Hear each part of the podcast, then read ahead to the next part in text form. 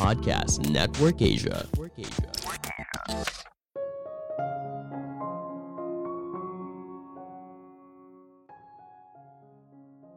Tidak ada yang salah dengan mengambil jalan tercepat menuju sukses, asalkan tidak merugikan orang lain. Halo semuanya, nama saya Michael. Selamat datang di podcast saya, Sikutu Buku. Kali ini saya akan bahas buku Smart Cuts karya Shane Snow. Sebelum kita mulai, buat kalian yang mau support podcast ini agar terus berkarya, caranya gampang banget. Kalian cukup klik follow Dukungan kalian membantu banget supaya kita bisa rutin posting dan bersama-sama belajar di podcast ini. Buku ini membahas bagaimana seorang bisa mempercepat dirinya untuk sukses. Di zaman sekarang, mencapai kesuksesan tidak lagi butuh periode yang panjang. Kamu pasti sering dengar kisah startup yang dalam hitungan tahun valuasinya mencapai triliunan rupiah. Mereka tidak lagi mendaki tangga seperti kebanyakan orang satu persatu, tapi mereka bergerak diagonal dan mampu mencari smart cuts atau jalan pintas yang cerdas melalui momentum. Jangan melihat jalan pintas sebagai hal yang negatif. Tidak ada yang salah dengan mengambil jalan tercepat menuju sukses, asalkan tidak merugikan orang lain. Saya merangkumnya menjadi tiga hal penting dari buku ini. Pertama, apa itu smart cuts? Bayangkan kamu sedang mengemudi dalam badai hujan yang lebat di tengah semua itu, kamu melihat ada tiga orang yang melambai meminta pertolongan. Pertama, wanita tua yang kelihatannya sangat lemah. Kedua, seorang teman yang pernah menyelamatkan nyawamu. Ketiga, pria atau wanita impianmu, ibaratnya ini merupakan kesempatan seumur hidup sekali bertemu sosok yang kamu rasa merupakan belahan jiwamu. Di mobil hanya tersedia satu kursi saja. Siapa yang akan kamu pilih? Tentunya ini pilihan yang sulit kan? Jawabannya adalah wanita tua, lalu berikan kunci mobil kepada temanmu dan temani lawan jenis itu untuk naik transportasi umum bersama. Pemikiran ini yang menurut penulis merupakan pemikiran dari orang yang berprestasi tinggi sepanjang sejarah. Mereka menolak mengikuti pilihan yang biasanya diambil oleh banyak orang dan mencari jalannya sendiri. Banyak orang beranggapan kalau menaiki tangga karir selangkah demi selangkah adalah jalan terbaik menuju kesuksesan. Namun hal itu jarang terjadi, karena kesuksesan bukan hanya tentang bekerja keras, namun soal bekerja cerdas. Penulis menekankan lateral thinking yang merupakan tipe pemikiran dengan membuat hubungan yang tidak terlihat antara berbagai ide dan mencari solusi yang out of the box. Pemikiran ini lalu membantu kamu menemukan smart cuts atau jalan pintas, cara yang paling efisien dan berkelanjutan untuk sukses. Mungkin banyak orang merasa istilah jalan pintas sering kali identik dengan hal yang negatif. Namun perlu diingat, tidak ada yang salah dengan mengambil jalan tercepat menuju sukses apabila tidak merugikan orang lain. Banyak orang sukses menggunakan smart cuts dengan baik, bahkan beberapa presiden Amerika Serikat sekitar sepertiga dari Presiden Amerika Serikat tidak mengikuti rute tradisional, yaitu dengan menjadi anggota Kongres dalam waktu yang cukup lama, lalu mencalonkan diri menjadi presiden. Hal ini seperti yang dilakukan oleh Dwight Eisenhower, yang di kemudian hari mengalahkan Hitler. Dia tidak pernah memegang jabatan terpilih sebelum dia menjadi presiden. Dia tidak mendaki hierarki politik seperti anak tangga, tapi dia bergerak secara diagonal.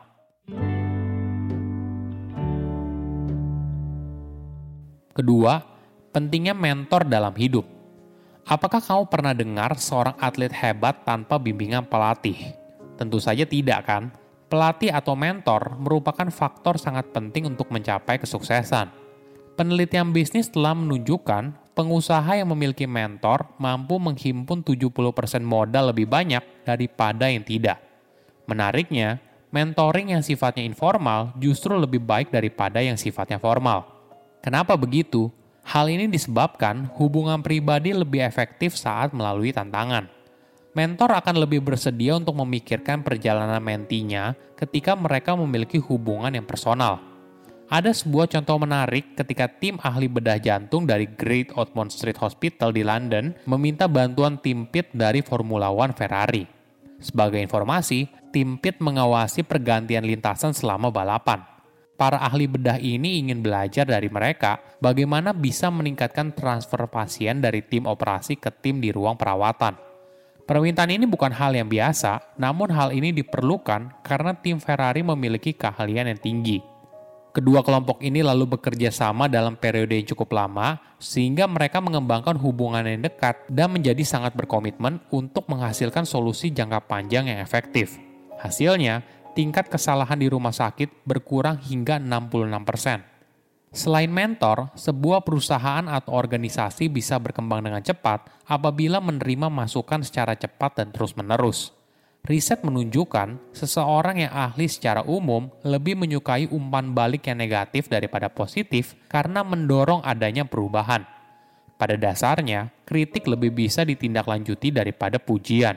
Namun perlu diingat, untuk bisa menerima masukan, kamu harus bisa mengontrol egomu sendiri. Sebagai contoh, Perusahaan media bernama Upworthy dikenal sebagai website yang fokus pada artikel yang positif. Suatu hari, Upworthy memposting video menyentuh tentang seorang anak laki-laki yang meninggal karena kanker. Mereka memposting video yang sama dengan berbagai judul utama yang berbeda. Beberapa judul ternyata lebih populer daripada yang lain. Setelah mendapatkan lebih banyak data, mereka lalu mengerjakan ulang judulnya lagi – Akhirnya, mereka menemukan judul yang mampu meningkatkan jumlah klik sebesar 116%. Upworthy menggunakan umpan balik untuk membuat judul yang membuat video tersebut sangat populer, sehingga pada akhirnya 10 juta orang menontonnya.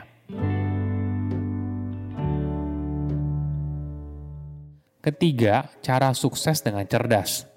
Jika kamu meraih kesuksesan dari apa yang kamu tekuni, kemungkinan besar kamu memiliki pemahaman yang baik di bidang yang kamu jalani. Langkah selanjutnya adalah mencari tahu apa yang membuat kamu sukses dan terus mengembangkannya. Pertahankan momentum itu untuk terus berjalan. Ada kisah dari beauty YouTuber Amerika Serikat bernama Michelle Phan. Dia mulai membuat tutorial make up video sejak tahun 2007 dan telah memiliki followers yang kecil tapi loyal. Kesuksesan besarnya muncul saat Lady Gaga meluncurkan video musik Bad Romance pada tahun 2009. Michelle mengupload video yang berisi tutorial bagaimana menciptakan make up ala Lady Gaga. Konten ini ternyata sangat menarik perhatian banyak orang. Dalam waktu yang singkat, follower Michelle meningkat secara drastis. Momentum ini lalu dimanfaatkan olehnya untuk menciptakan momentum-momentum yang lain. Di kemudian hari, selain menjadi beauty YouTuber, Michelle juga mendirikan perusahaan kosmetiknya sendiri. Dari kisah ini kita belajar kalau waktu yang pas membuat perbedaan yang signifikan. Bagi Michelle, sukses itu seperti sambaran petir. Dia datang ketika kamu tidak mengharapkannya, kamu hanya perlu menjaga momentum itu agar terus hidup. Coba bayangkan kamu berada di sebuah pesta dan tidak mengenal tamu yang lain.